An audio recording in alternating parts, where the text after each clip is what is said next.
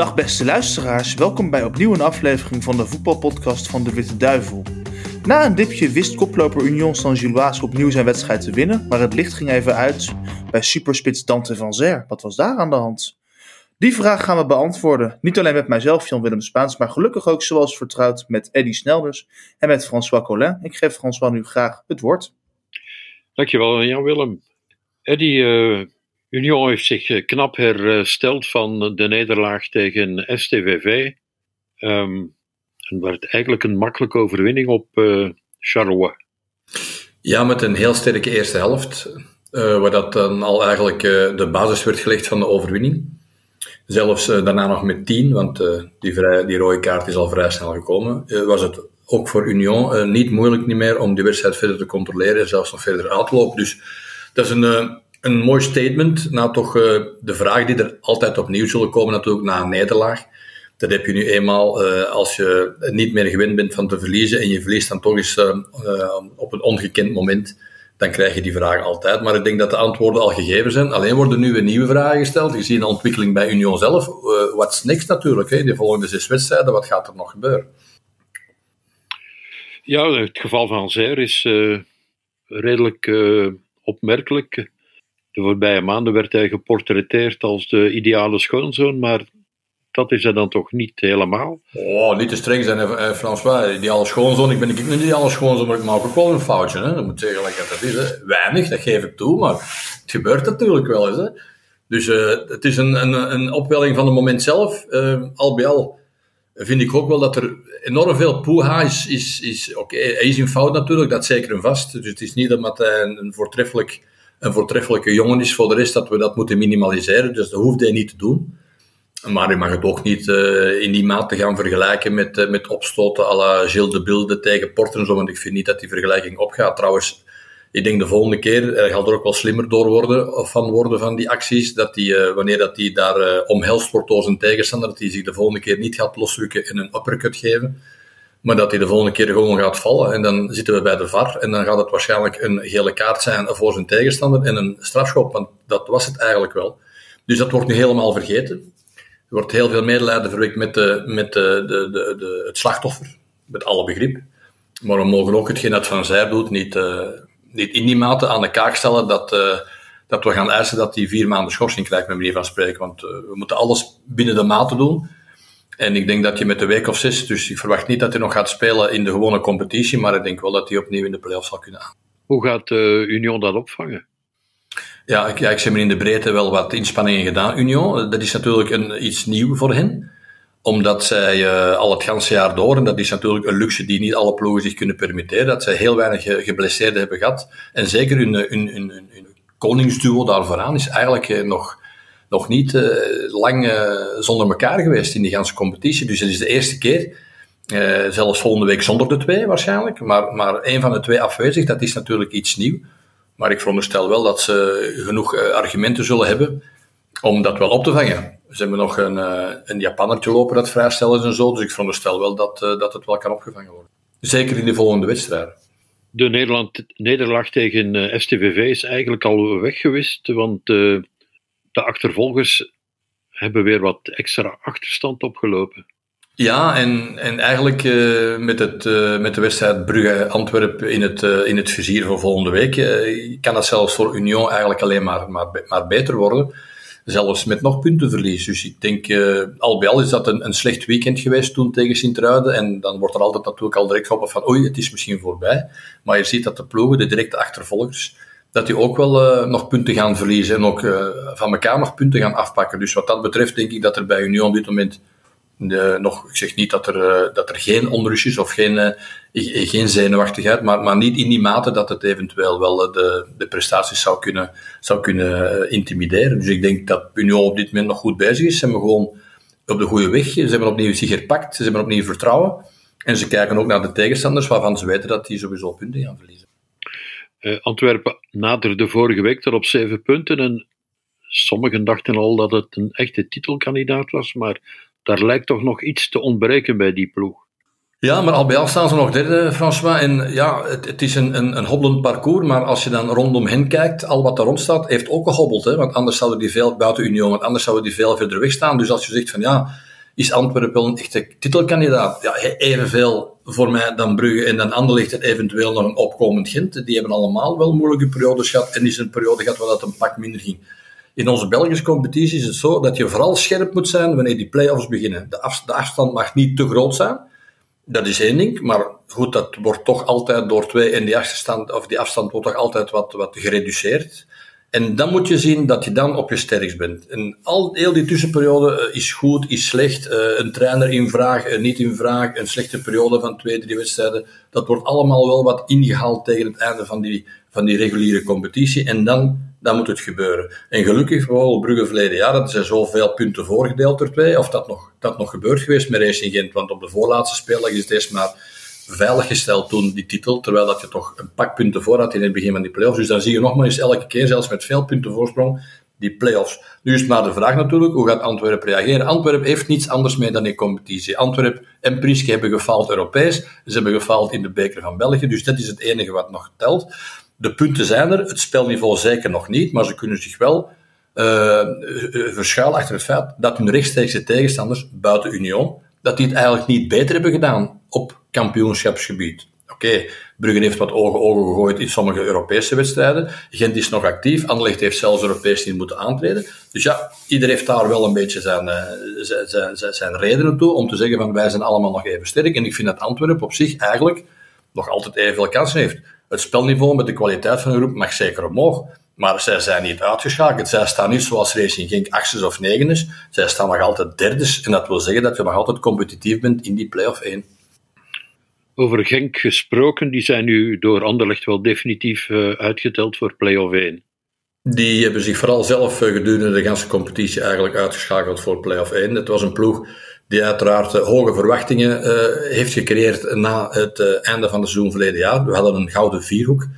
Uh, eerst was Sindriuk, daarna is Tortzit erbij gekomen. Die hebben heel veel mooie momenten samen beleefd, maar die hebben dit jaar dat niet meer gebracht. En ook gisteren was het opnieuw een bevestiging van het feit dat, uh, on, of het nu met Van den Brom is, of het is nu met een nieuwe trainer, het is zo dat, uh, dat het ook een, een ploeg is met heel veel ups en downs en veel momenten waar dat er eigenlijk de belangrijke spelers niet thuis hebben gegeven. En gisteren was weer zo'n moment dat het verdedigend op sommige momenten heel matig was, maar dat het dan ook vooral aanvallend. Uh, degenen die het daar hebben moeten forceren, die hebben uh, geen enkele actie ondernomen. Dus wat dat betreft is het toch wel een grote vraag hoe dat Genk zich eh, de volgende weken gaat positioneren. Standaard is nu wel echt op weg om een degradatiekandidaat te worden. Ja, is het eigenlijk al wel een beetje. Hè? Je, je, zegt het nog heel voorzichtig weg, omdat natuurlijk de traditie bij Standaard dat eigenlijk wat weerhoudt van te zeggen, je bent een degradatiekandidaat.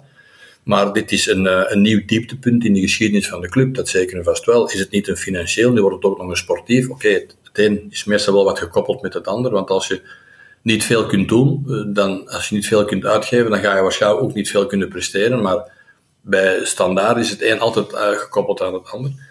Maar het is inderdaad zo dat die angstig al weken achteruit moeten zien. Uh, die hebben zich op sommige momenten nog net kunnen rehabiliteren om niet al vroeger in die zone te zitten. Maar nu is het met de billen bloot. Als, je, als je de wedstrijden ziet die zij spelen, als je, als je ziet uh, wat voor zwaarte, uh, wat voor gewicht ze eigenlijk nog in de weegschaal kunnen gooien, ja, dat is heel, heel, heel beperkt. Dus uh, Elsner die had gedacht van, ik zeg het hier eventjes op bij Kortrijk, want ik ga naar een topclub. Wel, het probleem is bij Elsner dat hij eigenlijk op dit moment ook niet juist meer weet hoe dat hij het in elkaar moet steken. En dat hij zich, zich die, die stap waarschijnlijk al wel echt beklaagd zal hebben. Maar ik moet eerlijk toegeven, uh, het is geen sinecure om van dit standaard nog een, uh, een, uh, een competitieve valabele ploeg te maken die in de linkerkolom kan huisgevest worden. Dus die zitten met heel grote problemen, want die kunnen het ook financieel niet meer rechttrekken om grote aankopen te doen op korte tijd om te vormen. Dus ik denk dat dat, dat, dat een van onze, onze probleemgevalletjes wordt in de Belgische competitie. Standaard de Liège. In Gent ging het dak eraf, maar dat was niet echt de bedoeling. Jij als bouwspecialist, uh, hoe kan zoiets? Dat is de tweede keer al in Gent. Ja, het is ook al uh, in Ant op Antwerpen gebeurd. Ja, ja, ik zou... in Den Haag lag ook een deel van het stadion om. Ja, maar dat was, toch niet, van, dat was niet door Gelamco gebouwd, veronderstel ik. Ik weet niet welke clowns dat gebouwd hebben, maar... maar de, andere, de andere twee zijn wel van dezelfde, van dezelfde aannemer. Dus Gelamco heeft twee keer het dak laten vliegen in Gent en Gelamco heeft ook zijn eigen dak laten vliegen op Antwerpen. Dus een goede reclame voor uh, maak eens een stevige tribune is het zeker niet. Dus uh, wat dat betreft zou ik voorstellen van toch links en rechts uh, in, de ijzer, in de metalen balk toch een paar vijfjes meer te doen de volgende keer. En niet op die kosten zien om dat takker toch op te laten. Maar ja, goed, het zijn zaken die gebeuren. Het is niet prettig, zeker niet. Uh, het is wel een beetje anti-reclame natuurlijk voor de aannemer op zich, die toch een redelijke reputatie wilde opbouwen, of aan het opbouwen is, of wil opbouwen.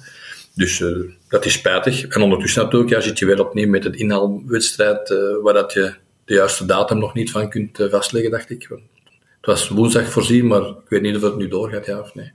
Ja, het wordt niet makkelijk om uh, daar uh, weer wedstrijden uh, in te passen.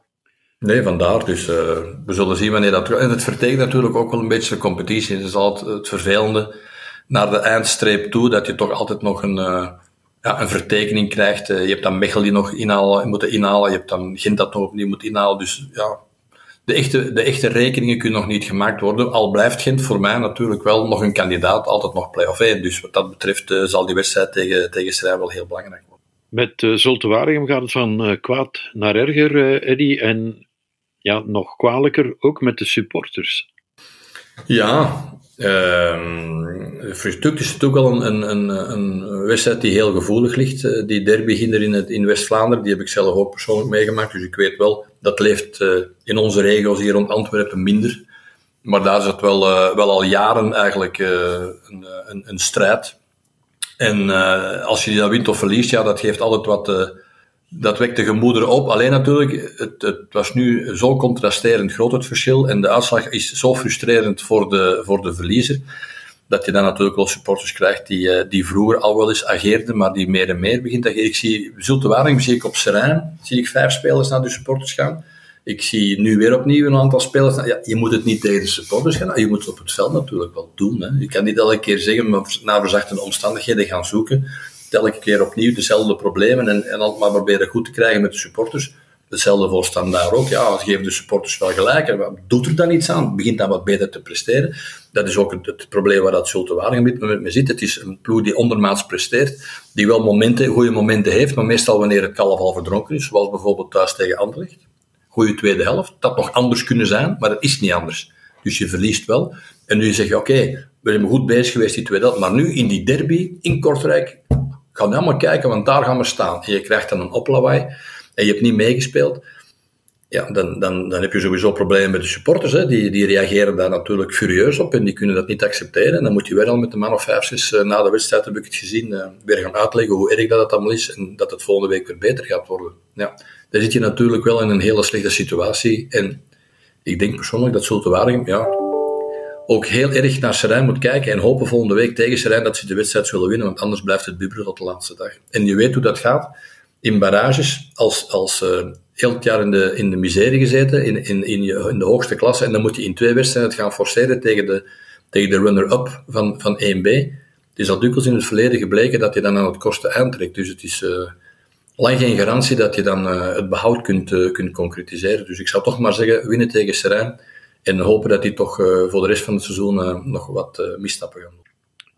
Mark Wilmots is na drie maanden alweer weggestuurd bij Raja Casablanca. Ja, maar ik ook net op Sportza gelezen. Ja, ja. ja het lukt nergens blijkbaar.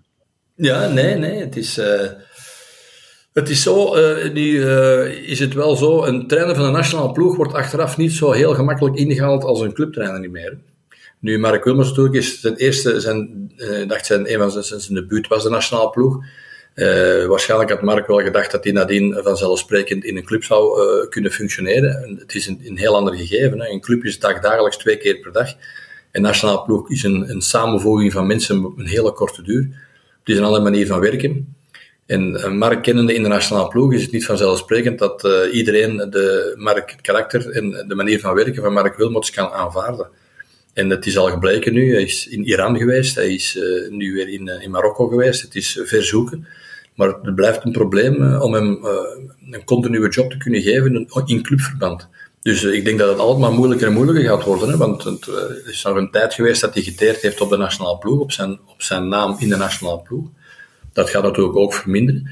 Maar ik blijf erbij dat elke trainer, ook de trainer van, van Zwitserland, is nu trainer geworden in in, uh, in clubverband, die is ook al buiten gegooid. Dus ik wil maar zeggen, het, is, het is niet vanzelfsprekend dat je dat je trainer van een nationale ploeg bent, dan heb je wel een reputatie opgebouwd, maar dat je dat kan, kan verzilveren in een club, omdat de werkwijze van clubs, dat is totaal anders dan de werkwijze van de nationale ploeg. In de nationale ploeg hoef je eigenlijk niet echt, met alle respect, hoef je eigenlijk niet echt te werken. Terwijl dat, dat in een club wel wordt verwacht dat je dat van s morgens tot s avonds zeven dagen op zeven doet. En dan mogen ze van mij zeggen wat ze willen over trainers van de nationale ploeg. Dan mogen ze zelfs uh, mensen dubbele functies geven. De prestaties en de activiteiten die die mensen neerleggen voor het land is veel, vinden, veel minder intensief en veel minder day-to-day dan dat het bij een, clubverband is. Vandaar ook dat het niet vanzelfsprekend is dat een, uh, een trainer van de nationale ploeg zomaar uh, kan doorlopen in een club. En dat kan een probleem worden, ook voor bijvoorbeeld voor Martin. is niet dat ik die man iets verwijt van arbeidsintensiteit, maar het is gewoon een ander ritme en, en een, een, wekelijks examen, terwijl dat, dat bij de nationale ploeg, als je een goed examen hebt gedaan, ben je toch weer een hele tijd, zeker in het geval van bijvoorbeeld Martinez met een derde plaats in, uh, in Rusland, ben je toch weer een hele tijd, zeven mag je toch een hele tijd wel eens links en rechts is uitschuiven met manier van spreken. Terwijl dat natuurlijk met de kwaliteit van onze nationale ploeg minder gebeurt, maar dan heb je toch een reputatie opgebouwd voor langer. Terwijl dat in clubverband absoluut niet het geval is. Hè. Als je daar uh, drie keer wint en daarna verlies je vier keer, word je opnieuw in vraag gesteld. En, uh, en dat is een probleem waar dat Mark Wilmots uh, nu mee zit en waar dat misschien wel andere trainers van Nationaal Ploeg ook mee kunnen zitten. Tot slot nog een nieuw record, Eddie. Romelu Lukaku heeft de bal zeven keer geraakt en daar was het aftrap bij. Dus dat wil zeggen dat hij nadien gemiddeld één keer op een kwartier de bal heeft geraakt. hoe doe je dat? Ja, dat is. Uh, ik denk dat Romelu Lukaku in een systeem, in een ploeg zit, dat eigenlijk helemaal niet mee hem past. Dat is niet de eerste keer. Oké, zeven is bijzonder weinig natuurlijk. Dat wil zeggen dat je totaal in de wedstrijd niet bent geweest. Maar ik heb niet de indruk dat het, het type Lukaku, dat is al van het begin gebleken. Oké, in de eerste weken heeft dat kunnen kunnen compenseren met elke week een doelpunt. Dan is dat geminderd, dan is er een kwetsuur gekomen, dan is er frustratie tussen gekomen, maar geen betere prestaties. Op den duur dan is er nog eens één doelpuntje in eh, de halve finale van de Wereldcup geweest. Ja, en dat is het dan. Hè. En die kost, die kost 100 miljoen of meer. Ehm, ik heb de indruk dat hij in het systeem, en dat heb ik ook al dikwijls aan de uitleg van de trainer zelf gehoord, dat hij eigenlijk in zijn systeem niet zo direct past. Het is, het is diepgang, hij moet diep staan, hij moet diep bewegen, daar wordt hij weinig aangespeeld. Hij gaat uit de wedstrijd, hij verdwijnt uit de wedstrijd. Hij raakt weinig ballen, hij scoort ook niet meer, dus hij raakt gefrustreerd, hij is ongelukkig. Dus ik denk niet echt dat het een, een perfect huwelijk is tussen hem en, en tussen Chelsea. En dat wordt alsmaar meer duidelijker en duidelijker. Dus ik denk dat het op zeker moment toch... Het is alles een clinch geweest een dispuut geweest. Maar ik denk dat dat eigenlijk nu, uh, oké, okay, wordt dat natuurlijk onder de radar gehouden en dan zal iedereen wel wat voorzichtiger zijn. Maar ik kan me niet voorstellen eh, dat, uh, dat beide gelukkig zijn met de situatie waar dat beide tegenover elkaar inzitten. Nog de trainer, nog Lukaku. En ik, ik vrees alleen, ik weet niet of dat kan opgelost worden. Echt niet. Als je, meer dan, als je meer dan 100 miljoen, als je meer dan 100 miljoen uitgeeft voor een speler, dan verwacht je toch dat je in functie van die speler gaat uh, ja, voetballen. Maar, maar, dat doet hij niet. Dat doet hij niet. Het is één pion dat hij mee inpast in het geheel. En hij hoopt dat hij mee denkt en mee functioneert in hetgeen dat hij met zijn ploeg wil bereiken. Maar Lukaku is dat type van speler niet. Dus ja, ik vind het, langs de, langs de ene kant vind ik het niet, geen, geen goed doordachte aankoop. Want voor dat geld moet je dan iets anders gaan zoeken. Maar ze hadden een diepe spits nodig, want Giroud vertrok. Maar ik weet niet of dat deze trainer eigenlijk constant met die diepe spits wil spelen. Hij heeft hem ook al een paar keer op de bank gezet. Hij heeft dan wat wendbare spelers willen zetten daar, die, die, die uit positie gaan, van, binnen, van buiten naar binnen komen. Uh, maar Romelu is iemand voor de tegenaanval, ruimte in de rug, uh, of, of in de 16 meter oorlog maken, maar niet het systeem dat dat Chelsea speelt. En Lukaku voelt dat, en de trainer voelt het natuurlijk ook. Maar de trainer kan hem niet op de bank zetten, want dan krijgt hij en van Lukaku en misschien ook wel van andere in, boven in de kamer misschien nog wel wat commentaar. Maar hij, kijkt er toch minder en minder naar. En het zou, niet, zou me niet verbazen moest hij een van de volgende weken gewoon opnieuw eens op de bank zitten. Dat zou me gewoon niet verbazen. Geen positieve noot om op te eindigen, maar toch het einde voor.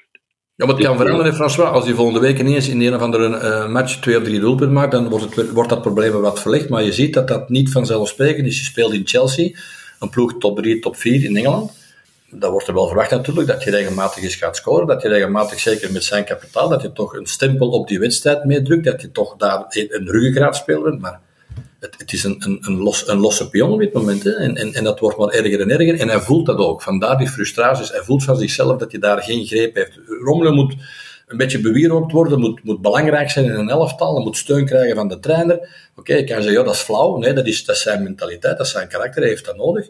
Is regelmatig een schouderklopje. Maar dat krijgt hij niet en dat krijgt er minder en minder. En ja, dat, dat, dat frustreert hem natuurlijk. Hè. Maar ik, ik weet niet echt of dat het goed gaat aflopen. Ik hoop voor hem van wel, maar ik vrees ervoor. Hopen op beterschap. Dankjewel, Alleszins. Graag gedaan. Duidelijk, de tijd zal het leren. We danken u opnieuw voor uw aandacht vandaag. Aanstaande maandag zullen we opnieuw de studio induiken voor een nieuwe aflevering van onze podcast. Ongetwijfeld zal dan centraal staan de afloop van de topper in Jan Breidel Club Brugge tegen Antwerpen. Graag tot dan. Tot ziens.